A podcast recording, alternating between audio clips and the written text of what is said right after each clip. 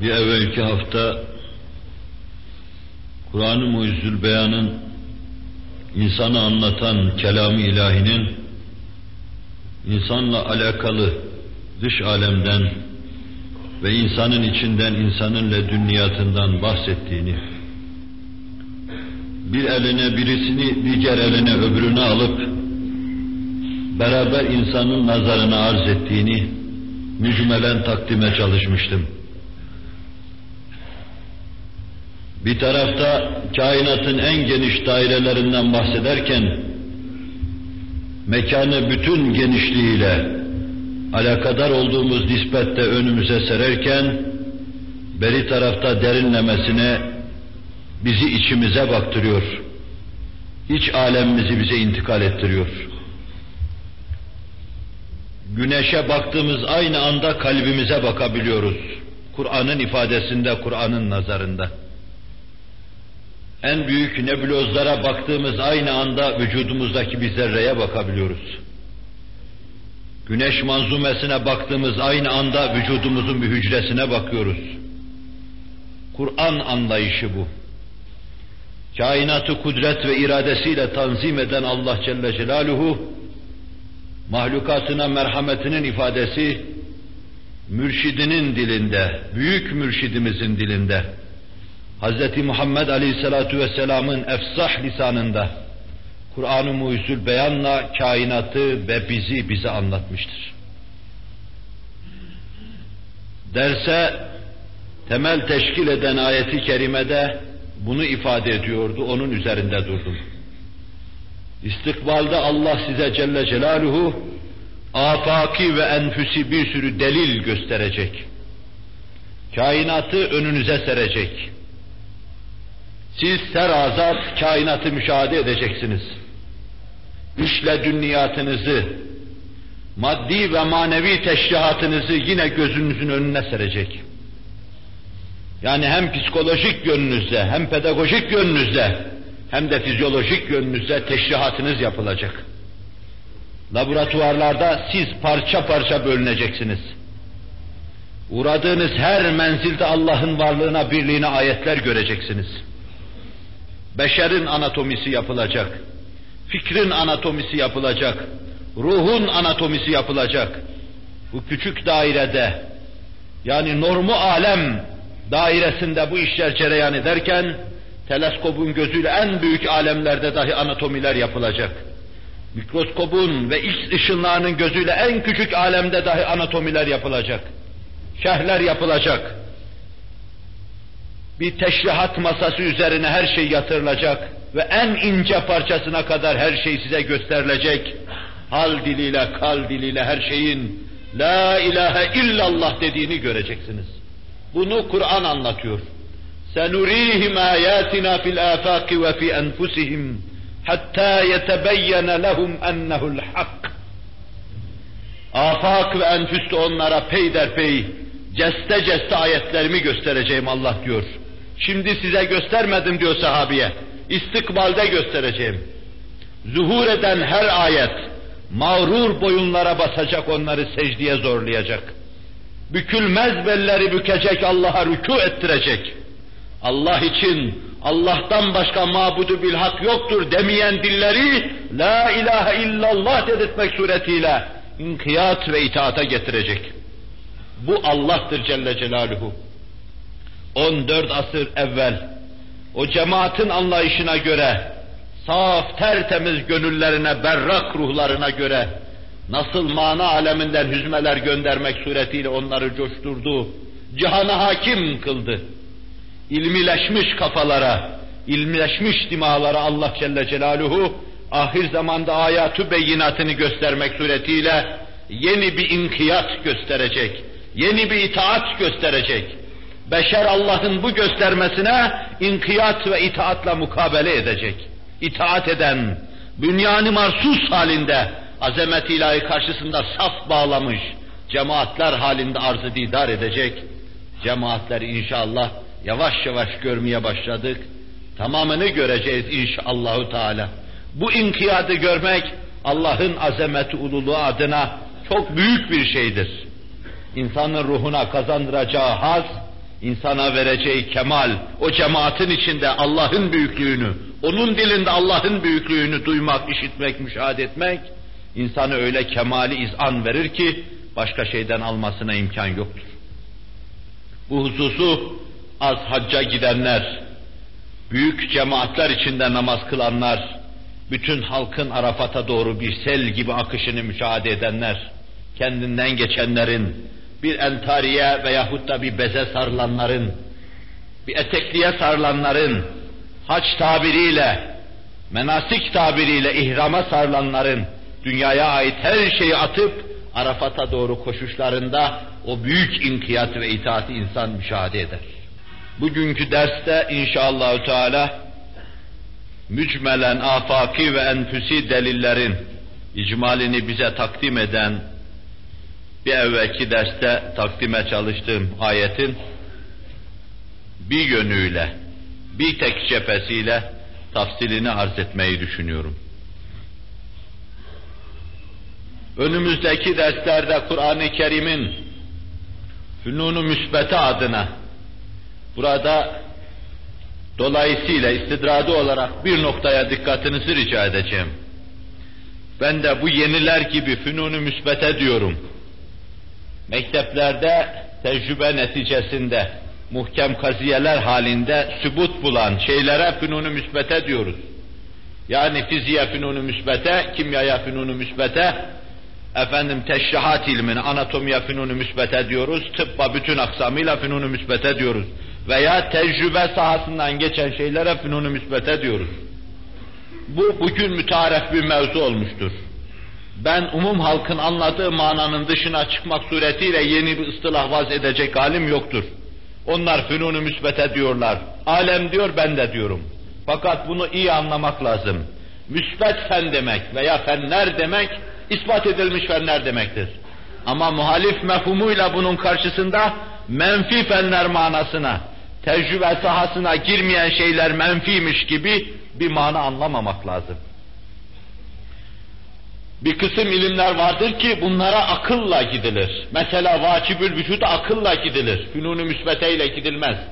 Fünunu müsbeteyi değerlendirirsin, terkibini, tahlilini yaparsın, bundan aklı kanunlar, kıstaslar çıkarırsın, onun merdiveniyle Allah'a yükselirsin. Mesela melaike-i kiramı sen göremezsin, senin laboratuvarına gelmez, mikroskopun altına girmez, teleskopla da müşahede edemezsin. Belki sen onu bir kısım aklı kıstaslarla anlarsın. Yani tecrübe sahana giren şeyleri delil olarak kullanır, sıçrayı verirsin. Mantık kanunlarıyla gidersin onlara. Binaenaleyh akıl yoluyla ispat edilen şeyler vardır. Tecrübe sahasıyla, havas yoluyla ispat edilen şeyler vardır. Fünunu müsbet ederken akıl yoluyla ispat edilen şeyleri hariç tutmayalım. Belki ispat edilen şeylerin en fazla ispat edilmişi vacibül vücuttur. Belki ispatı gereken şeylerin vaka vacibül vücut hakkında ispat tabiri doğru değildir. İspatı gereken şeylerin en esbeti Allah'ın sıfatlarıdır. Allah'ın esmayı hüsnatıdır. Melaike-i kiramdır. Nübüvvet hakikatıdır, haşir hakikatıdır. Bunlara öyle sağlam aklı kıstaslarla gidilir ki, tecrübeyle bizim laboratuvarda elde ettiğimiz kanunlar, kıstaslar bunların yanında çok sönük kalırlar. Dolayısıyla arz ettim bu hususu. Fünunu müsbete dedikten sonra, belki çokları da ne dediğimi anlamadı. Fünunu müsbete gavurcu adıyla pozitif ilimler, Kur'an-ı Kerim'in haber verdiği ufka ulaşacakları ana kadar nazariyelerden ve dolayısıyla sarsıntıdan kendilerini kurtaramayacaklardır. Tarihe ve ilim mahfillerine büyük bir sulta halinde kendisini kabul ettiren nice büyük fikirler, nazariyeler vardır ki bunlar üzerinden bir iki asır geçince aşınmış, yıpratmış ve kapının önüne atılmıştır. Suri bütün debdebe ve ihtişamıyla asırlarca astrofiziği meşgul eden Kant'ın ve Lablas'ın fikri kapıların ardına atılır fikirler haline gelmiştir. Artık semaların yapısı, güneş sisteminin teşekkülü mevzuunda pek de Kant'ın fikirlerine, Lablas'ın fikirlerini ihtimal eden, ihtimal veren kalmamıştır. Sarsılmaz gibi görünen Newton'un çekim kanunu dahi sarsılmıştır bu asırda. Ama bir hakikata doğru gidiyordu, sarsılacaktı. Bu sarsıntıya maruz kalacaktı. Sarsıla sarsıla sarsılmaz kanuna ulaşacaklar. Bu yanlış ve kısmen yanlış neyse faraziyelerden bütün faraziyelerin üstünde doğru olan, hak olan, beyani ilahinin ifade ettiği şeye ulaşacaklar. Bütün tecrübeler ona doğru gidiyorsa müsvet istikamette gidiyorlar. Bütün tecrübeler o neticeye varma istikametinde hareket ediyorlarsa ilimde tıkanma olmayacaktır. Her devir yeni şeylerle, ilim adına yeni şeylerle karşı karşıya kalacaktır. Fakat mesele faraziyelere bağlandığı nispette bu ilmin felsefesinin ifadesidir. İlim erbabı bilir. İlmin tıkanması ne demektir? Faraziyelere bağlı kalma ne demektir? Faraziyelere bağlılığı nasıl ilmi bir tıkanma hasıl edeceği ne demektir? Biraz ilim mahfillerinde cereyan eden şeydir. Allah adına yapılacak şeyler, zatını hayret ve dehşet içinde seyretme makamına kadar devam edecektir. Yani bir bakıma Allah'a inanan insan, bütün araştırmalarında hedef, Allah marifetini tutarak ilerlediği müddetçe, terakki ettiği müddetçe, hiçbir zaman sonuna ulaşamayacaktır. Çünkü o, sonsuzluk istikametinde araştırmaya girmiştir. Namütenahi olan Allah'ı tanıma istikametinde araştırmaya girmiştir. Ama bütün faraziyeler bir kuyunun etrafında bir şey kazmadan ibarettir. Kur'an-ı Mucizül Beyan santrfüjünü vurmuş oradan su çıkarıvermiş. Elindeki aletleri en mükemmel şekilde kullanmış. Hiç ummadığın yerlerden mayı hayat fışkırtmış. Onlar da ellerindeki inelerle Kur'an-ı Kerim'in su fışkırttığı yerden bir şeyler çıkarmaya çalışıyorlar. Reşhalarla, sızıntılarla Kur'an-ı Kerim'in haber verdiği hakikata doğru gidiyorlar. Size onların faraziyelerini ve Kur'an'ın muhkem kaziyesini arz ettiğim zaman buna şahit olacaksınız. Kur'an sözün doğrusunu söyler. Söylediği sözlerden hiçbiri değiş, değişmemiştir. Ama ilim adına iki asır evvel söylenen sözlerin altı üstüne gelmiştir. Ve innehu lekitabun aziz. Kur'an kendi hakkında ferman edir ediyor. O yegane galip kitaptır. Yegane galip kitaptır. Azizin manası odur. Allah da azizdir. Kelamı da azizdir. Ve innehu lekitabun aziz. La ye'tihil batilu min beyni yedeyh ve la min halfi tenzilu min hakimin hamid. Ne arkadan, maziden verdiği haberlerde bir batıl devreye girebilir, ne de çok uzak istikbale ait sahneye sürdüğü, döktüğü, size anlattığı haberler arasına bir batıl girebilir. Binlerce sene olsa, on binlerce sene olsa istikbalde Kur'an haber verse bir batıl bulamayacaksınız içinde onu. Bir hükmü Kur'an'ının değiştiğine şahit olamayacaksınız. Maziyi serasat önünüze seri verecek. Serapa bütün hakikatlarıyla şerh edecek. Fakat siz onda bir batıl göremeyeceksiniz. Çünkü o Allah'ın kitabıdır. La ye'tihil batilu min beyni yedeyh. Ne önden bir batıl gelir ve la min halfihi ne de arkadan. Tenzilun min hakimin hamid. Her şeyi hikmetle yaratan ve bizzat mahmud olan, hamd edilen, sevilen, sayılan, saygı gösterilen, azameti karşısında serfiru edilen Allah'ın ceste ceste Habibi edibine indirdiği kutsi kelamıdır Kur'an. Bu derste önünden batıl gelmeyen bu kelamı ilahinin verdiği haberler şu ana kadar telahuki efkarla üst üste yığılmış ve bir hakikatin bir yönünü gösteren faraziyelerle nasıl bir durumda olduğu mukayesesini arz edeceğim. Yanlış anlamayın. Falan kainatın teşekkülü mevzuunda şöyle bir nazariye ortaya attı. Filan canlıların meydana gelmesi mevzuunda şöyle bir faraziye ortaya attı. Falan semanın direksiz durması mevzuunda bir şey söyledi. Filan küreye arzın küreviyetini, yuvarlak olduğunu anlattı. Falan dağların cesametini anlattı ve yerin altındaki durumlarını anlattı. Kur'an-ı Kerim'de tıpatıp bunlara aynen uygun söylüyor. Bunu iddia etmiyorum ben. Kur'an doğruyu söylüyor. Ama biz Kur'an'ın söylediği doğruyu tam anlamayabiliriz. Muradi ilahi tam kavramayabiliriz. İlim de hakikate varmamış olabilir. Biz yolun yarısında, ilim yolun yarısında böyle bir tevfiki yapma hata olur. Bir taraftan bunu kabul etmekle beraber, bir taraftan da şu şekilde kanaatımı arz etmede mahsur olmadığı düşüncesindeyim.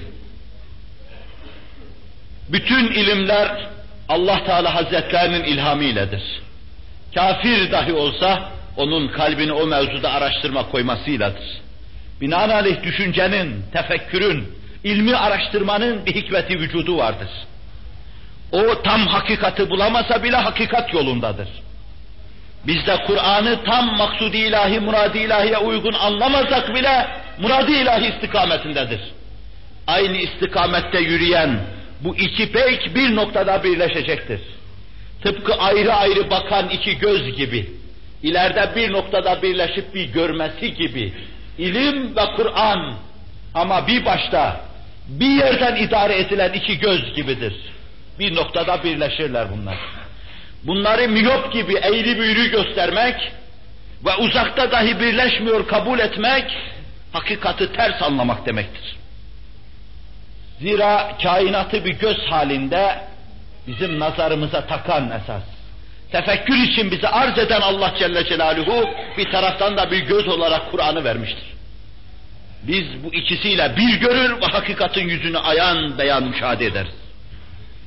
Buna çok dikkatinizi rica edeceğim. Ama bu iki uç bugün birleşmemiştir çok noktada. Hala ayrı gibi görünmektedir. Bu da ilmin ehil ellerde olmayışından ve inhiraf etmesindendir.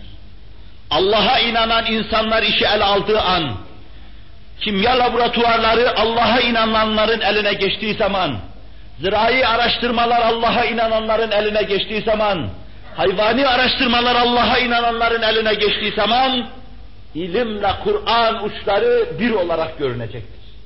Beşer miyop görmeyecektir artık. Düz görecektir. Ama şu anda eğri gören beşerin, eğri bakan gözünün ameliyata ihtiyacı vardır. Gönlüne iman oturduktan sonra doğru, müstakim görecektir. İşte ben ilim adına arz edeceğim meseleleri arz ederken, kasır gören bu asrın görüşüyle, daha tam müntehaya ulaşamamış ilmin görüşünü telif ederken, mümkün olduğu kadar Kur'an'ı ilmin gölgesi altına sokmadan, ve ilim yavaş yavaş Kur'an'a yanaşıyor olduğunu göstermek havası içinde arz etmeye çalışacağım.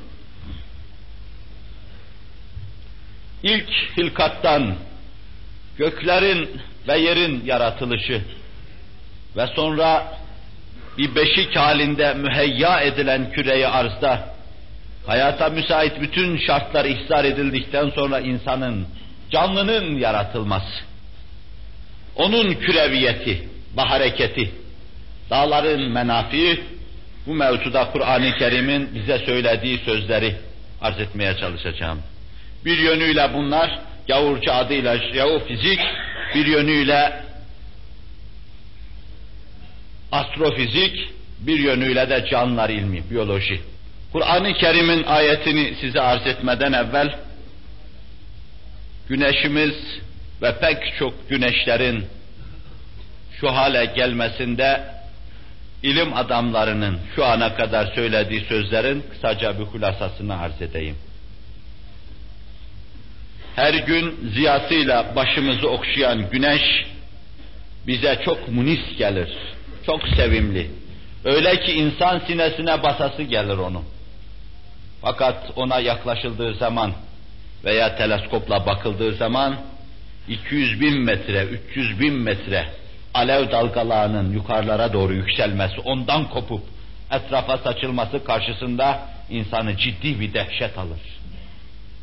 Ama onu tesir eden zimamını elinde tutan Allah'ın müsahhariyeti açısından bakılırsa ona bu kadar dehşetli, bu kadar celadetli ve celalli olan güneş, yeryüzünde yine hakir, zayıf, fakir insanın emrine müsakkar bir hizmetçidir. Sobadır onun için, meyvelerini pişiren fırındır onun için, meyvelerine tad veren ziyalarıyla bir bakıma şeker, sentez fabrikasıdır insan için, her şeydir insan için. Ona gündüz yapan, ona gece yapan, musahhar bir memur ve ifade edenin büyük ifadesinde bir mumdardır. Tıpkı bir mum gibi başında daima yanar, aydınlatır, tenvir eder, eşyayı görürsün. Bir taraftan da üzerinde Allah'ın türlü türlü nimetleriyle perverde olduğumuz küreye arz vardır. Kur'an-ı Kerim yer yer ondan beşik olarak bahseder. O güneşin etrafında sallanıp gezerken, titrer gezerken bir beşik gibi insanlara ninni okumaktadır. Tıpkı beşikte gibi insanlar etraftan muhtaç olduğu her nimet, her rızık koşup insanın ayağına gelmektedir. Beşik gibidir, sanki insanın ağzına mama verilmektedir. Ağaçların başından insanlara doğru sarkan meyveler, insanın adı, ağzındaki bütün zevk alma kabiliyetlerine cevap veren, hitap eden meyveler, insanın bütün hazlarını tatmin eden Allah'ın nimetleri, gözü zevke gark eden Allah'ın nimetleri, kulağı hazdan kendinden geçiren Allah'ın nimetleri, yeryüzünde bir sofra halinde insana takdim edilmiştir. İnsan bunların aşırı mişarını tahsil edemezdi. Binde birine dahi kendi iradesiyle, ihtiyarıyla sahip olamazdı. Demek ki insan aciz, eli kolu bağlı. Her şeyi Allah hazırlamış. Sadece tarladan almak, fırından almak, ağacın başından almak gibi, çocuğun emziği, mamayı hemen göğsünden alıp ağzına koyması gibi basit işler kalmış insana. Onun için küre arz bir beşik olarak anlatılıyor. İnsan bir çocuk olarak anlatılıyor. İnsan gelmeden ihzar edilen bütün nimetler çocuğun ağzına konan mama şeklinde tasvir ediliyor. Bu ilahi ifadede bu manayı görmek lazım. Küre arzı da böyle ihzar eden Allah Celle Celaluhu. Bunun böyle ihzar edilmesi, güneşin bir mumdar olarak oraya konması, gündüzümüzü tenvir etmesi ve gece yerine göre gaybubet etmesi ve bizim istirahatımızı temin etmesi gibi güneşe veya küreye arza has Allah'ın lütfettiği keyfiyetler bütün bunlar öteden beri düşünürlerin kafasını meşgul etmiş. Nasıl oldu demişler. Mesela Allah'a verildiği zaman ifadesi çok basit ve çok kolaydır. Cenab-ı Hak anlaşılmayan meseleler karşısında hayrete dalmadan, şaşkınlıktan ve inhiraftan bizleri masum ve mahfuz buyursun. Her meselenin düğüm noktası Allah'a iman etmekte veya etmemektedir. Ettinse her şey çözülü verir. Etmedinse karşına yığın yığın muğlak şeyler, mudil şeyler, müşkil şeyler çıkıverir. Küreyi arz ve güneşin meydana gelmesi şekli hasırı mevzuunda eskiden beri çeşitli laflar etmişlerdir. Fakat ilk derli toplu malumatı Baf'ın söylemiş. Bunun görüşüne göre, bunu bilseniz ne olur, bilmeseniz ne olur? Altı üstüne gelmiş bir nazariye. Fakat arz ettiğim gibi bunları söyleyeceğim, muhkem kaziye halinde Kur'an'ın dediğini demeye bunlar bir meslet teşkil etsin. Onun noktayı nazarına göre güneş garip, yalnız, kimsesiz bir yerde gaz yığınları halinde kendi öfkesi ve kinini kendi içinde ketmettiği bir dönemde bir devrede uğursuz bir kuyruklu yıldız geldi, çarptı ona. Yüzüne sürtünmesiyle bir kısım damlacıklar meydana geldi. Güneşin hacmi o kadar büyük ki suyun damlaları gibi damlayan, etrafına damlayan bu şeyler etrafındaki peykleri meydana getirdiler. Ama bu nazariyesini riyasi olarak ispat edemiyordu. Bir nazariyeydi bu. Olabilir diyordu bu. Allah yaparsa Celle Celaluhu bundan olabilir bu. Bir kuyruklu yıldıza git deyiverir, gönderir oraya, çarptırır, sonra damlacıklar hasıl eder. Anil merkez, durumuyla uzaklaşırlar, ilel merkez durumuyla da onun etrafında dönmeye başlarlar, küreler olur. Allah'ın emri ve izniyle. Bu faraziyeyi ilmen ispat etmeye imkan yoktur. Meseleyi biraz daha sisteme koyan, meşhur bütün felsefeyi karıştıran Alman filozofu Kant oluyor. O diyor hayır öyle değil, kuyruklu yıldız çarpmamıştır. Güneş müthiş bir gaz yığını halinde hareket ederken kendi mahrekinde birdenbire hareketinde bir hızlanma oldu. Şiddetli hareket edince dönünce soğuma başladı kendisinde. Güneşin ekvatorundan bir kısım parçalar koptu, etrafında dönmeye başladılar. Yine anil merkez ilel merkez durumuyla. Merkez kaç, merkez çek demek. Kant riyaziyetçi değildi. Kendinden yarım asra yakın, 40-41 sene sonra dünyaya gelen Laplace, Fransız riyaziyetçisiydi. Gavur diliyle matematikçiydi. Bu Kant'ın bu nazariyesini biraz daha biçime koydu, şekle koydu, popüler bir hüviyet verdi buna. Matematikle Kant'ın dediklerini ispata çalıştı. Ama aradan, arkadan bir miktar geçtikten sonra Maxwell geldi dedi ki bu böyle olmaz dedi. Bildiğiniz gibi değil bu mesele. Kant'ın dediği de yanlış, Laplace'ın dediği de yanlış. Bunların dediğine göre güneşin, seyyarelerin bulunduğu geniş sahada bu saha o kadar geniştir ki bu sahadaki parçalar güneşin çekim dairesi içine giremez. Yani bu parçalar bu geniş daire içinde güneş tarafından çekilemez ve etrafında döndürülemez dedi. Hesabını yaptı bunun. Daha sonra o müthiş deha Sir James çıkınca matematikle iyice Kant'ın, Laplace'ın halk diliyle bağışlayın pestilini çıkardı olmaz dedi böyle saçma. Ne bir kuyruklu yıldızla damlalar düşmüştür dedi o da kendi hesabıyla matematikle ispat etti bunu. Bunların burada benim hem takatımın fevkinde bunların ispatını yapmak burada hem de cemaatin anlamayacağı şeyler olur. Bir de arkadan bir miktar daha geçti, ayrı biri çıktı bu mevzuda. Meşhur Fransız kozmokoni alimi Bon. O da ayrı bir şey sürdü ileriye ve bugün hüküm fermi olan da onun nazariyesi, nazariye. Ona göre de mekanın her tarafı duman, gaz gibi bir şeydir. Buhar gibi bir şeydir. Yavaş yavaş işte atomik kanunla birbirine çarpan parçacıklar, atom parçacıkları küçük küçük kütleler meydana getirir. Meydana gelen her kütle merkez çek durumuyla etrafındakini çeker. Kütleler yavaş yavaş büyür. Binaenaleyh kainatta bu esasa göre daima bir çözülme, tahlil ve bir terkip vardır. Bir taraftan ömürlerini tamamlayan güneşler atomik kanunla parçalanır, iyonlaşmaya doğru giderken, beri tarafta enerji, iyon, molekül filan atom derken toparlanır bunlar, yine büyük büyük kütleler meydana gelir. Einstein da bunu anlatıyordu. Bilemediğimiz bir sırla kainatın meçhul bir noktasında yeni yeni kainatların nesçedildiğini müşahede ediyoruz. Sözüyle bunu anlatıyordu. Enine boyuna bu noktayı nazarlara baktığınız zaman şunu göreceksiniz. Evvelkiler ve sonrakiler kainatı bir bütünken parçalıyorlar. Ya gaz yığınıdır bu kainat, bu gaz yığınları, atom parçacıkları, partiküller birbirine çarpmak suretiyle küçük parçalar. Küçük parçalar büyür sonra. Tıpkı bir ceninin anne karnında büyümesine benzetirler bunu. Yavru küçük bir hayvancıktır veya bir yumurtadır büyümeye başlar. Büyür, beslendikçe büyür, beslendikçe büyür. Dışta, fezai ıtlakta, boşlukta küçük bir parça, kendisine çarpan küçük parçalarla büyür, büyür, büyür, büyür, ciddi bir hacamet iktisap eder. Nazariye budur. İster böyle gaz yığınının parçalanması, küçük parçalar büyük parçalar haline gelmesi.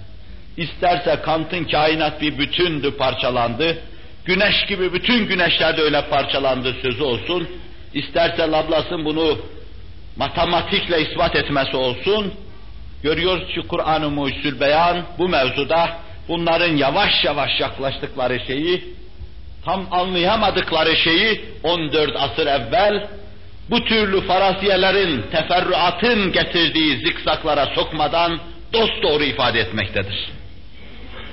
Enbiya suresinde Allah şöyle ferman ediyor. اَوَلَمْ يَرَ الَّذ۪ينَ كَفَرُوا اَنَّ السَّمَاوَاتِ وَالْاَرْضَ كَانَتَا رَتْقًا فَفَتَقْنَاهُمَا Sadakallahul azim. O kafirler görmüyorlar mı diyor. Semavat, bütün semalar, bütün sistemler ve bir de yer, küreyi arz. Bunlar bir retik idi. Biz fetk. Bunun manasını sahabi nasıl anladı? Resul-i Ekrem nasıl anlıyordu? Tabi'in imamları nasıl anladı? Ben size arz edeyim bakın. Semavat retk idi. Biz lügatlara da, kamuslara da baktığımız zaman retikte şu manaları görüyoruz. Bir, semavattaki parçalar arasında bir münasebet, alaka yoktu. Sema ile yer arasında da münasebet ve alaka yoktu. Yani yer kupkuruydu, semada bulutsuzdu. Bir bu manayı anlıyorlar. Bunu İbn Ömer, İbn Abbas bize naklediyor. İkinci manayı İbn Abbas kendi tilmizlerinden Mücahit, İkrime ve Hasan-ı Basri tarikiyle bize şöyle naklediyorlar. Semavat ve arz retk idi. Bir bütün idi. Biz onu fethettik, açı verdik, çözdük. İşe yaramayan, artısı eksiği, zaidi nakısı olmayan bir bütündü, biz onu çözüverdik. Bir de bu manayı anlıyorlar. Bir de şu manayı anlıyor tabi'in ve sahabe. Semavat ve arz bir retik idi. Vücudu yoktu adeta, vardı fakat görünüyor gibi bir şey değildi. Biz onu görünür hale getirdik. Var olduğu halde yok gibi olan durumdan görünür hale getirdik. Bunlar benim uydurduğum, başkasının uydurduğu şey değil. Sahabi olan İbni Abbas'ın, İbni Ömer'in en sadık tilmizleri İkrime gibi, Mücahit gibi ve tabiinin büyük imamı, velilerin serdarı Hasan Basri gibi kimseler tarafından bize naklediliyor. İbni Kesir'in tefsirine baktığınız zaman bu ayetin tefsirinde de göreceksiniz. Semavat ve arz retik imiş. Yani bir yönüyle sema ile arz arasında münasebet yokmuş. Çünkü arz o zaman bir ateş parçasıydı. Sema ile münasebeti olamazdı. Sema da bir ateş parçasıydı. Veya dumandı, duhandı. Ki Kur'an-ı Kerim bunu da hemen anlatıyor, o dumanı da anlatıyor. ثُمَّ اسْتَوَى اِلَى السَّمَاءِ وَهِيَ دُخَانٍ Sonra Allah iradesini semaya tevcih etti. Halbuki o zaman bütün semalar duhandı. Duman gibi bir şeydi diyor. Siz nebulozlara, gazlara gidiverin göreceksiniz Kur'an'ın fermanının azametini. Ondan retik ve fetik oldu. Fetik nedir? Fetki nasıl anlıyorlar? Retik buydu.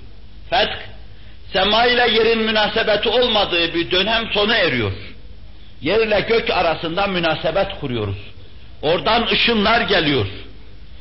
Derken yerde sular meydana geliyor. Derken tebahhurat oluyor. Derken yerin atmosferinde bunlar bulutlar halinde teşekkür ediyor. Derken yağmur yağıyor. Sema ve küre arz arasında bir izdivaç hasıl oluyor. Evlenme hasıl oluyor. Bu evlenme hayata müsait keyfiyeti doğuruyor. Otları doğuruyor, ağaçları doğuruyor vesaireyi doğuruyor. Ama Allah Celle Celaluhu bunu ben yaptım diyor. Kendi kendine oldu dönmüyor tesadüfle bunları izah etme imkan yoktur. Sema ve arz bir retikti. Onu ben fethettim. Öbür manasıyla da Allah Celle Celaluhu Allah'ın sözü odur, camidir. Bir laf ediverir. İhtimali olan her şeyi ifade etmiş olur. O bir gaz yığınıydı. Nitekim ayette ifade ettiği gibi adeta bir dumandı. Görünmüyordu. Görünüyor gibi değildi. Hüviyet vermek istedim, murad ettim. Parça parça böldüm onu. Güneşler yaptım. Sizin güneşinizi de yaptım. Ve onun etrafındaki peykleri ki o peyklerden bir tanesi olan dünyanızı etrafında döndürmeye başladım. Daha sonraki ayetlerde bu husustaki tafsilat ve teferruatı inşallah arz edeceğim. Bundan anlaşılıyor ki ilim adına gitsinler, herkes gitsin. Fakat hedefi meçhuldür bunun. İlim adına bu yola çıkan herkes, ilminin gayesini tayin ve tespit edemediğinden dolayı enaniyeti kabarmadan, üluhiyet iddia etmeden başka hiçbir şey kazanmamıştır. Ama hedefi Allah olsaydı Celle Celaluhu, ilimleri Allah'ın Allah'a imanı izanda kullansaydı, o sonu olmayan bir yola girmiş olacaktı.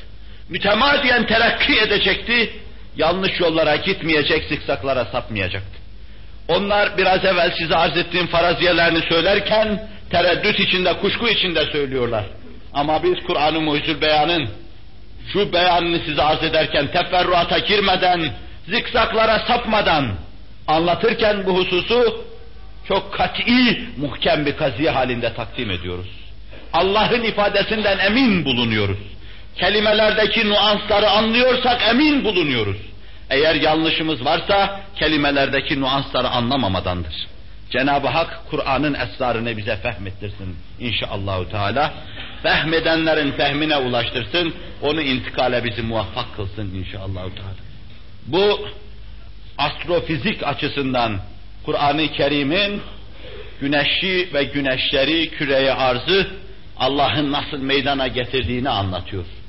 Ve bu anlatış tarzında ilim ilerlese, bir şeyler bulsa, büyük teleskoplar yapılsa, 5 trilyon ışık hızıyla öteleri gören teleskoplar yapılsa, bahsettiğim Kur'an-ı Kerim'in şu beyanına muhalif bir şeyleri süremeyeceklerdir.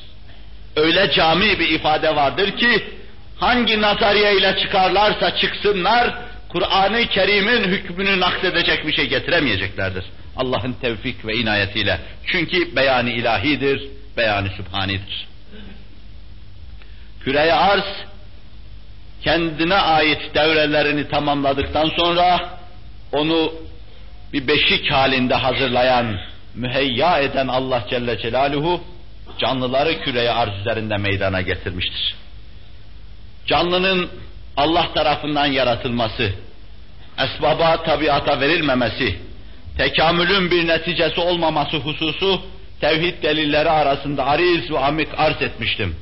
Bu cümleden olarak Darwinizmin çürütülmesi mevzuunda ariz, amik arz etmiştim. Onlara sapacak, yeniden onları size intikal ettirecek halde değilim. Ama bir de Kur'an-ı Kerim'in insanın yeryüzünde yaratılmasını anlatması vardır. Mesela bir yerde halakahu min tindir. Onu balçıktan, çamurdan yarattı. Yeryüzünde, yeryüzünü teşkil eden elementlerden mesela azot gibi, karbon gibi, hidrojen gibi, oksijen gibi, kükürt gibi şeylerden bunları çorba yaptı, çamur yaptı, protein çorbası yaptı. Allah hayat bahşetti buna. Başka bir yerde halakahu min salsalin min salsalin kel fekhar fekhar gibi salsaldan yarattı. Min hame'in mesnun demekti arkasında da. Ama kokmuş bir balçık, sulu bir çamurdan yarattı Allah demektedir. Başka bir yerde Kur'an-ı Muhyüzül Beyan, bu Enbiya suresinde okuduğum ayeti kerimenin sonu da öyledir. وَجَعَلْنَا مِنَ الْمَاءِ كُلَّ شَيْءٍ حَيٍّ Her şeyi sudan hayatlar kıldık. Belki kısmi küllisi sudur her şeyin. Biz işte her şeyi böyle hayata mazhar ettik demektedir. Başka bir ayet-i kerimede de vallahu halaka kulle dabbetin mimme Allah her canlıyı yeryüzünde depelenip duran her şeyi sudan yarattı. Feminhum men yemşi ala batni iltibasa meydan vermemek için acaba biz de ondan mıyız dememek için. Feminhum men yemşi ala batni kimisi karnının üzerinde yürür.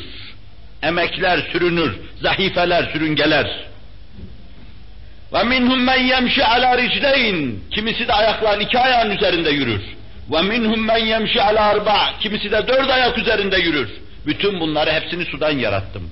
En basit hücreden en uzun varlıklar olan Kaliforniya çamlarına kadar her cismin temel moleküllerinden kat kat fazla onların mahiyetinde su vardır.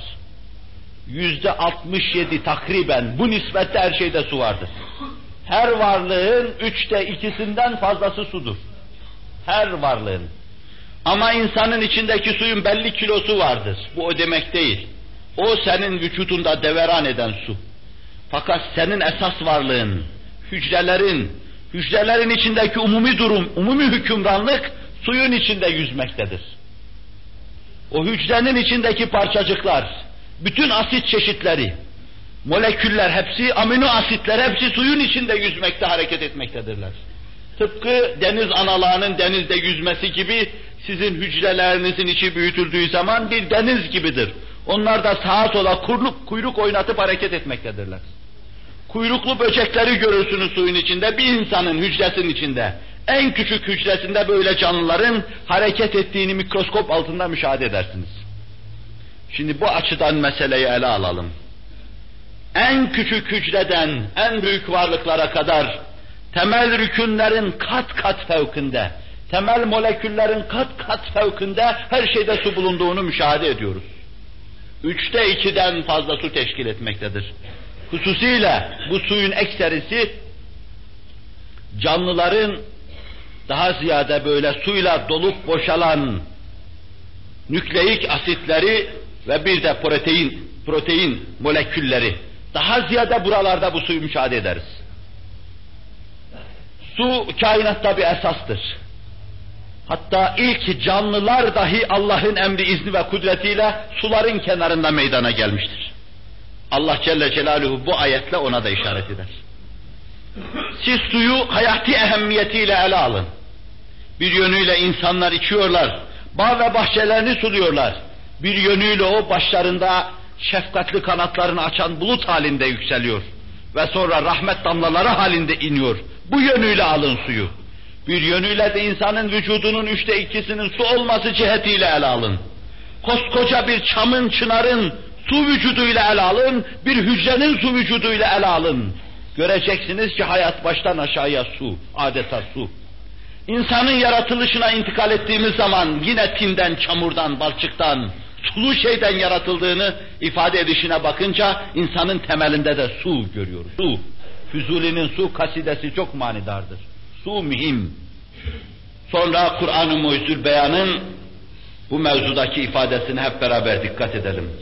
وَجَعَلْنَا مِنَ الْمَاءِ كُلَّ شَيْءٍ حَيٍّ İnsanı kas katı bir cisim gören, ağaçları kas katı odun halinde gören insana, ağacın içinde yüzde 67 nispetinde su olduğunu anlatamazdınız. Sahabi bunu ne görebilirdi ne de bilebilirdi. 1400 sene evvel, 1500 sene evvel bir insanın bunları kavramasına imkan yoktu. Deselerdi ki senin vücudunun üçte ikisi sudur gülerdi, delisin sen derdi. Kemiğim nerede benim, etim nerede derdi. Ama kemiğinin de etinin de kısmı küllüsünün su olduğunu bilemezdi. Ama fermanı Kur'an onlara şöyle diyor, biz anlayacağız.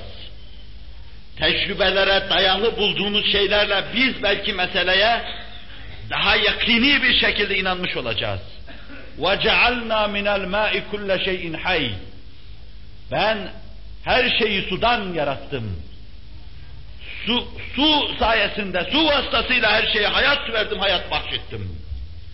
Ve kasemle Allah size anlatacak. Vallahu halaka kulle dabbetin mimma. Allah o Allah'tır ki her dabbeyi yerde emekleyen her şeyi, hareket eden her şeyi sudan yaratmıştır. Ve Allah Celle Celaluhu hılkatı Adem'i anlatırken min salsalin min hameyin mesnun diyecektir. Salsaldan, hameyi mesnundan, kokmuş bir çamurdan, protein çorbasından yarattığını size anlatacaktır. İlim yavaş yavaş beyanı Kur'an'a doğru yaklaşmakta ve iki gören göz adeta bir görecek hale doğru gitmektedir. İnşallah Teala bir görür, hakikatta ayan beyan müşahede edilmiş olur. Bu hususta canlıların yaratılması mevzunda beyanı Kur'an'ı, insanın yaratılması mevzunda Kur'an'ın ifadesini arz etmiş oluyorum. Allah Celle Celaluhu afak ve enfüste ayetlerimi göstereceğim. Ta söylediğim şeylerin doğruluğuna cebren, tav'en, kerhen herkes inanacak. Beyanı Sübhanisini yine onun ayetleriyle tafsil etmeye çalışıyor.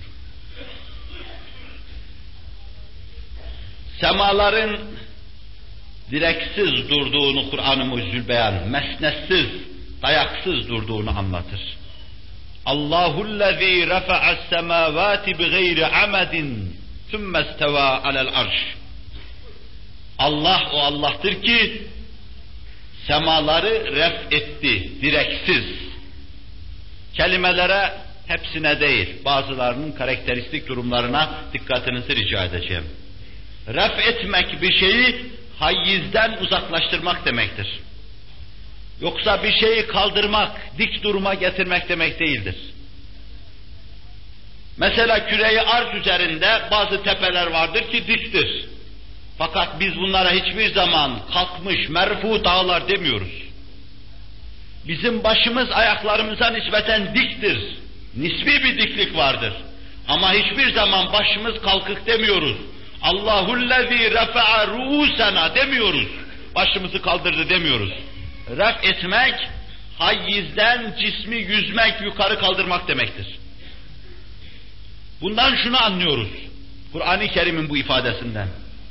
Allah Celle Celaluhu yeri ve semaları hayizden yüzerek bir mesnede dayamadan mesnetsiz, noktayı istinassız tutuyor. Kur'an bunu anlatıyor. Bu o gün görülemezdi, bilinemezdi. Görülüp bilen, bilinemediğinden ötürü İsrail uleması yerin altına bir tane öküz koydular, bir tane balık koydular, bir tane yılan koydular, bir tane taş koydular, bir su koydular. Onu da Allah'ın kudretinde yüzdürdüler yine neticede. Bilinemediğinden ötürü bu zikzaklı yollara sapıldı. Bu ayetin tefsirinde yine biraz evvel isimlerini söylediğim Mücahit İkrime, Katade ve Hasan Basri gibi kimseler İbn Abbas'tan şunu bize naklediyorlar. Bu ayetin tefsirinde bunu da İbn Cerir'in tefsirinde, İbn Kesir'in tefsirinde göre, görmek mümkündür. İbn Abbas şöyle buyuruyor. Kibrül ümme. Kur'an-ı Kerim'e ait her kelimeyi Resul-i Ekrem'e soran, ona göre tefsir eden İbn Abbas. Ve kendi talebelerine de mükerreren bunu anlatan, ders veren İbn Abbas diyor ki, semaların esas bir mesnedi noktayı istinadı vardır ama siz onu göremezsiniz. Şimdi ayetin ifadesine bakın. Allahu'llezî refa'as semâvâti bi gayri amedin teravneha. Allah öyle bir Allah ki semaları ref etti, hayizden yüzdü. Onu direksiz, mesnetsiz yukarıda tutuyor. Ama siz o direği göremezsiniz. Vaka bir mesnedi vardır onun ama siz göremezsiniz. Bu sizin göreceğiniz mahsusat kısmından bir direk bir mesnet değildir diyor. Bundan anlaşılıyor ki esasen onlar bir şeye dayalı bir şeye bağlı bulunuyorlar. Öyleyse o cazibedir. Neden? Cazibe görünmüyor. Allah öyle bir şeyle ref etti ki altına bir mesnet koydu. Ama bu mesnet sizin göreceğiniz cinsten mesnetlerden değildir diyor. İfadeye çok dikkat etmek lazım. Teravneha diyor, siz göreceğiniz cinsten şey değildir bu. Binaenaleyh demek ki bir cazibeye dayalıdır. Demek ki bütün eczam bir cazibe ve dafia içinde hareket etmektedir. Demek ki bir itiş vardır ve bir de çekiş vardır. Ve bu da esasen çok enteresandır. Allah tarafından bu iş yürütülmedikten, idare edilmedikten sonra anlamaya da imkan yoktur. Birbirine zıt bu şey, kanunlara, kıstaslara bağlansa, bir hüviyet verilse, bir tanınması yapılsa bile, tarif ve tayin edilse bile, mahiyeti gerçekten anlaşılmış olmayacaktır. Onun için Newton başka bir şey diyecektir. Einstein Öklide hendesesine göreydi falandı filandı diyecek onu bozacaktır. Mesela hayizdir diyecek, karışık değişik şeyler getirecektir. Şu çoklarının anlamadığı şeylerden ötürü de o çokları beni mazur görsünler. Ve yumsikus semâe en teka'a alel ard ferman etmektedir. O Allah ki semayı tutuyor, yer üzerine vakı olmasına meydan vermiyor. Vakıa burada umum semanın anlatılmasının yanı başında atmosfer kesafeti onu arz edeceğim ileride inşallah Teala. Gök taşlarının gelip de yeryüzünü tehdit etmesine meydan vermemesini de anlatmış olabilir. O Allah ki gökte olup biten bütün kıyametlerden yeryüzünde yaşayan kimseleri tedirgin etmiyor, rahatsız etmiyor. Ona binlerce hamd ve sena olsun. Başımızı gök taşlarıyla kırmıyor, bizi bu küreye arzdan kaçırmıyor. Küreye arzın deveranı, harekatı ve süratli dönüşünü yine jeofizik olarak Kur'an-ı Muhyüzü beyan değişmez kanunuyla bize anlatıyor. يُكَوِّرُ اللَّيْلَ عَلَى النَّهَارِ ve yukevvirun nehare alel leyl ferman ediyor. O Allah ki geceyi gündüzün başına bir sarık gibi sarar. Bir yuvarlak hasıl eder. Gündüzü de gecenin başına bir sarık gibi sarar. Bir yuvarlak hasıl eder. Kevr, tekvir kelimesi esasen Arapçada bir şeyi sarma yumak yapma demektir. Onun için sarığın bu etrafına sarılmasına da kavrul amame denir. Bunlar da bunun yuvarlağı demektir. Demek ki bir sarık gibi ziya küreye arzın başına sarılmakta.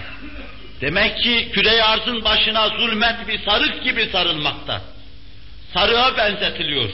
Yuvarlak bir şeye, topa, topaca benzetiliyor. Ve bu topacın üzerine münavebeten gece zulmetini, gündüzde ziyasını sarıp durmaktadır. Bir mekik gibi işleyip durmakta, beşerin hayatını nesçetmekte, ebedi saadetini nesçetmekte veya ebedi felaketini nesçetmektedir. Bu ayeti kerimeyi tefsir eden başka bir ayet daha sarih olarak bu hususu gösterir. Yuşil leylen nehara yatlubuhu hatisen. Sadakallahul azim.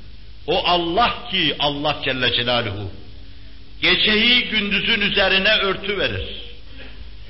Bir de bakarsınız ki o gece karanlık ışığı süratle takip etmektedir. Burada nehu, nahiv bakımından sadece Arapçaya mahsus bir ilimdir nahiv ilmi. Nahiv bakımından meselenin şöyle ince bir tahlili var. Yuhşi bir fiil. O Allah ki gaş yetmesi esasen Allah'ın inşa etmesi bir örtü getirip onun üzerine örtmesi demektir. Arkadan bir örtü daha getirip öbürünün üzerine örtmesi demektir. Yani bir örtüdür zulmani veya nurani birbirini takip eder. O Allah ki yuşil leylen nehara. Leyli nehare örtü verir. Fail Allah'tır Celle Celaluhu işi yapan. El leyle en nehare ikisi de mef'uldür burada. Yuşinin mef'ulü. Arapçada kaide şudur. Böyle iki tane mef'ul gelince bunlardan birini fail takdir etme düşünülürse evvelkisini fail takdir eder. Kaidedir bu. Yani acaba gece mi gündüzü örtüyor, gündüz mü geceyi örtüyor diye düşündüğümüzde hangi kelime evvel gelmişse örten odur, hangi kelime sonra geliyorsa süratle takip edilen de odur. Evvela leyl geliyor, yuşil leyl. Sonra nehar geliyor, gündüz. Biz fail takdir edersek geceyi fail takdir edeceğiz, leyli. Yani gece gündüzü takip ediyor. Yani gece gündüzü örtüyor. Yani karanlık ışığı kovalıyor. Ve bunu ifade ederken de hasisen sözüyle ifade ediyor. Seriyen, baş döndürücü bir süratle karanlık bir dairenin mütemadiyen ışığı kovaladığını müşahede ediyoruz.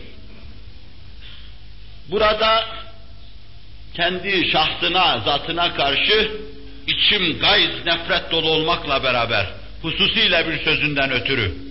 Fakat Allah bazen haşeratı muzırreyi dahi kendi dini adına konuşturuverir, teyit eder. Gagarin ismindeki kafir, fezada seyrini, devrini tamamlayıp döndükten sonra bir güzel laf etti, bir de kafirane bir laf etti. Kafirane ettiği laf şu idi. Ben dolaştım etrafı Allah namına bir şeye rastlamadım diyordu haşa ve kella. Müminlerin işine gelen lafı da şuydu onun. Küreye arzdan uzaklaştığında mütemadiyen onun üzerindeki dairelerde süratle karanlığın ışığı takip ettiğini gördüm diyor. Adeta bir karanlık perde böyle dolaşıyor. Güneşe ters düşen taraf karanlık gibi böyle sanki karanlık bir perde küreye arzın etrafında dolaşıyordu. Tabi bunu biz küreye arzın üzerinde pek kavrayamayız. Uzaktan ona bakıp onu bir top gibi gördüğümüzde, güneşin etrafındaki süratle dönüşüne baktığımızda, güneşe tekabül eden noktanın aydınlanması, güneşe ters düşen tarafın karanlık olması ve küreye arzın süratle dönüşüyle karanlığın mütemadiyen ışığı kovalaması, herhalde bunu tasavvur edebilmek için muhakkaten, hayalen tezaya gitmek lazım. Gagarin'in baktığı yerden meseleye bakmak lazım. İmanı olsaydı belki hak adına söylediği bu söz, Vesile-i saadet olurdu onun için. Belki vesile-i saadet olurdu. Kur'an yatlubuhu hasisen. Işık, karanlık ışığı süratle kovalamaktadır, ferman etmektedir. Ve bir yönüyle de belki çok iltifat edilmez ama işarettir. Karanlık esas küreyi arzdır. Işık da güneştir. Demek ki hareket eden güne, küreyi arzdır. Demek ki etrafında hareket edilen güneştir. Demek ki esas takip eden, yürüyen leyldir, gece. Onun zatı ışığı yoktur küreyi arz. Demek etrafında onu çekip sapan taşı gibi çeviren gündüzdür ışık, güneş. Onun zatı ışığı vardır. Vaka bu manada anlatılmaktadır. Şimdi küreyi arzın üzerinde ışığın karanlığı kovalaması ancak yuvarlak olmasına bağlıdır. Bir satıh gibi dümdüz olsaydı ışık karanlığı kovalamayacaktı. Onun kürevi olduğunu Kur'an-ı Kerim muciz beyan ifadesiyle anlatmaktadır. Ama bunlar öyle komprimeler haline getirilmiştir ki 20. asırda siz bu altın bohçayı laboratuvarlarınızda açtığınız zaman, tetkik mahallelerinizde açtığınız zaman, teleskoplarınızın karşısında açtığınız zaman, füzelerinizi açtığınız zaman göreceksiniz. Pırlanta gibi Kur'an hakikati karşınıza çıkacak ve secdeye kapanacaksınız. İleride füzelerin fezaya geliş gidişi o münasebetle onunla alakalı bu husustaki daha ince şeyleri inşallah arz edeceğim. Bugün güneş ve küreye arz üzerinde durmaya çalıştım. Allah'ın tevfik ve inayetiyle. Vakit gelip yaklaştığı için fazla uzatmadan bir iki küçük misal daha arz edeyim. Bugünlük güneş ve arz diyerek 20-30 tane ayetten sadece 2-3'üyle iktifa etmiş olalım. Güneş ve arza ait ayetlerden 2-3'üyle iktifa etmiş olalım. Küreyi arzın buna bağlı küreviyetini ifade eden, yuvarlak olduğunu ifade eden Kur'an'ın başka ayetleri de vardır. Bir yönüyle yükevvirül leyl alen nehar ve yükevvirun nehar alel leyl demek suretiyle onun yuvarlak olduğunu anlatırken bir yönüyle o mevzuda kullandığı kelimenin köküne işi bağlamaktadır. Mesela semaların tesviyesini, düzeltilmesini, bir kanun, bir nizam altına sokulmasını ve insanların emrine musahhar hale getirilmesini anlattıktan sonra vel arda ba'de zalike dahaha buyurmaktadır. Ondan sonra da yeri Allah üthüve ve üthiye şekline getirdi. Bir kelime kullanmaktadır burada. Bu meseleye intikal etmeden evvel bir hususa dikkatinizi rica edeceğim. Siz bir cismi anlatsanız, bunu anlatırken mesela bu yuvarlaksa buna bir yuvarlak dersiniz. Ama bir de şöyle dersiniz, armudumsu dersiniz. Bu armudumsu sözüyle yuvarlaklığı anlatmanın yanı başında armudun karakteristik yuvarlaklığını anlatmış olursunuz. Mesela bir yuvarlaklığı var bunun, elmamsı diyebilirsiniz. Bu defa armudumsi değildir bu, elmamsıdır. Yani elma gibi yuvarlaktır. Hem yuvarlaktır hem de yuvarlaklı elmaya benzemektedir. Bir yuvarlaklığı var bunun, limonumsu diyebilirsiniz. Vaka bizim Türkçemizde böyle bir kelimenin meşhur olmadığını biliyoruz. Belki limonumsu sözü daha ziyade rengi ifade için limonda kullanılır. Ama limonumsu deseniz, demek ki bu limon şeklinde bir şey. Yuvarlaklığını anlatmanın yanı başında bir de yuvarlaklığın hususiyetini arz etmiş oluyorsunuz. Şimdi Kur'an-ı Kerim meseleleri karşımıza getirdiği zaman biz kelimelerin köklerine bakma mecburiyetindeyiz. Mesela Allahullezî halakal arda ve devverehu kel kureti falan der. Açık olur bu. Allah o Allah ki yeri yuvarlak yaptı, küre gibi, top gibi yaptı der böyle. Ama bir de bir kelime kullanır orada. O kelimenin kökü vardır, iştikakı vardır. O kökünden kelime ele alındığı zaman bakarsın ki sen o maksadın orada çok vazıh olarak anlatıyor. Mesela diyor ki semalar tesviye edildi. Vel arda ba'de zalike dahaha. Ondan sonra da yeri üdhüve ve ütiye şekline getirdi. Dehaha bir fiildir. Dehaha yaptı demek. Ha yeri. Deha kelimesi ha sonunda ya var. Dal, ha ve ye. Bu üthve veya üthiye kökünden gelir. Üthve ve üthiye de deve kuşu yumurtası demektir. Demek oluyor ki Allah Celle Celaluhu sonra yeri deve kuşu yumurtamsı şekline getirdi demek istiyor Kur'an-ı Kerim. Elipsi yaptı yani. Bu ancak bu asırda, 20. asırda az çok muttali olunan hususlardandır. Tam bir müdevver değildir. Kutupları basıktır. Ve her gün biraz daha keyfiyetinde tahavül ve tebeddül vardır. Aldığı keyfiyet şudur.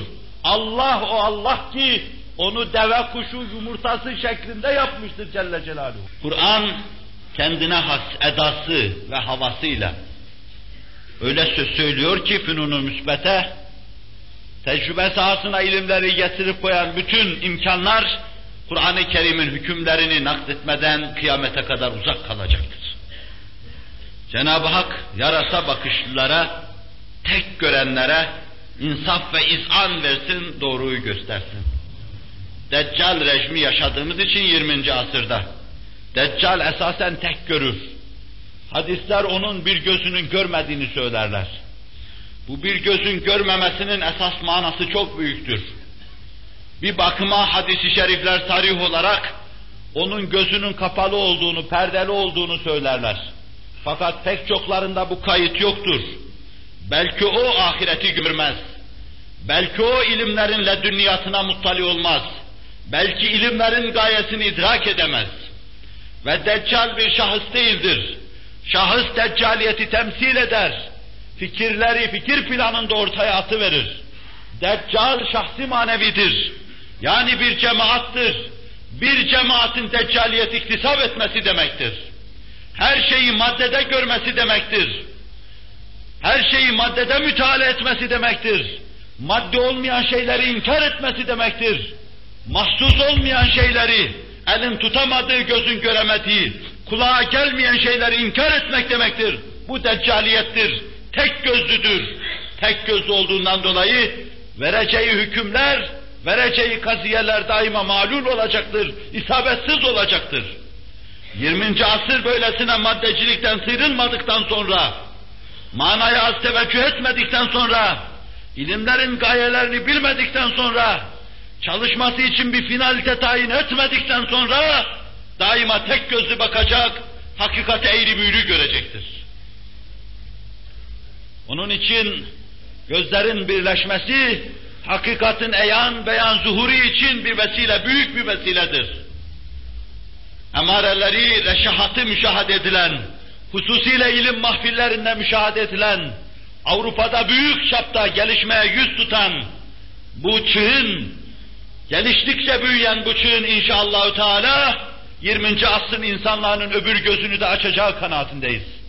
Allah gözümüzü açsın, körlerin gözünü açsın, bu milleti kör edenlerin gözünü açsın, hakikati ayan beyan göstersin. Hakikati uzmasını ayan beyan müşahede ettirsin. Azamet karşısında bizi serfuru ettirsin. inkiyat ve itaata getirsin. Bir tek ayetle bitireyim. Bunu Kur'an'ın fesahat ve belaatini size intikal ettirmeyi niyet ettiğim derslerde, ettim değil, niyet ettiğim derslerde kısmen arz etmeye çalışmıştım. Vel cibale evtade. Kur'an-ı Kerim'in kısa kısa ayetlerle her birisi ayrı bir bahri hakikat, bir hakikat denizi, bir hakikat hazinesi olan ayatü beyinatında Kur'an-ı Mucizül Beyan vel cibale evtada sözüyle sadece pek çok hakikatlara kapı, pencere, menfezler açıyor. Amme suresi böyle parça parça ayetlerden müteşekkil. Ama her ayet başlı başına bir güneş manzumesi gibi yığın yığın hakikat düzmesi gönderiyor. Amme yetesâlûn anin nebeil azim. Parça parça ayetler çok hakikat anlatıyor. Kalla se'alemun, thumme kalla se'alemun. Elem nec'alil arda mihada, vel cibale evtada, ve halaknâkum ezvâca, ve cealnâ nevmekum subâta. Birer kitap yazılacak hakikat. Kelimelerin karakteristik durumundan, siyak ve sibakın desteğinden, koltuk vermesinden, omuz omuz altına girmesinden her bir ayet bir kitap kadar mana ifade ediyor. Vel cibale evtada Cibalları da, dağları da ben ve tit yaptım. Çivi yaptım diyor Allah Celle Celaluhu. Küreyi arzı sarsıntıdan etmek için. Bu acaba cahiliye devrinde bilinebilir bir şey miydi? وَاَلْقَى فِي الْاَرْضِ رَوَاسِيَ اَنْ تَم۪يدَ بِكُمْ O Allah ki dağları yerin üzerine atıverdi. Ta yeri sarsıntıdan vikaye etsin, sizi tezelzülden korumuş olsun diyor. Dağları kazık yaptım diyor küçük bir ayetle. Denizlerin istilasından koruyor dağlar. Sarsıntıdan lalalalar. Pek çoğunun tepelerinde eski zamanda pek çoğunun şimdi pek azının menfezlerle yerin içindeki şiddet, hiddet, öfkeyi dışarıya püskürmesiyle yeri sarsıntıdan vikay ediyor dağlar. Tarsip ediyor havayı dağlar. Dağlar daha neler yapıyor? Dağlara yaptıkları vazifelerle baksan senin bağından daha parlak hale gelecek, geldiğini göreceksin dağların. Ama bu arada yaptığı şeylerden bir tanesi de dağlar yere kakılmış kazıklardır. Çivilerdir diyor. Edebi yön tasviri onu arz etmiş olmama havale edip burada sadece bir noktayı arz edeyim. Çivi sözüyle anlatıyor bunu. Siz bir tahtaya çaktığınız çiviyi tahtaya çakarken, elinizle çekikle, keserle çakarken, onun dışarıda kalan başı çok azdır. Dağları anlatırken böyle çivi olarak size anlatıyor. Dağlar böyle çividir diyor küreyi arz üzerinde. Bunun manası şudur.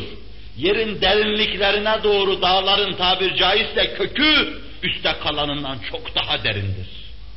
Yoksa sizi vikay edemez. Dağlar yerin kabuğuna otursa zaten sizi vikay edemez. Yerin derinliklerindeki şiddeti, hiddeti dışarıya intikal ettiremez. O derindir. Bunu ifade ederken bir tabir seçiyor burada. Çivi tabirini intihap ediyor. Dışta kalan kısmından daha derindir içe doğru olan kısmı. İşte bu tabirle anlatıyor. Dağları bunun gibi çivi yaptım ferman etmektedir.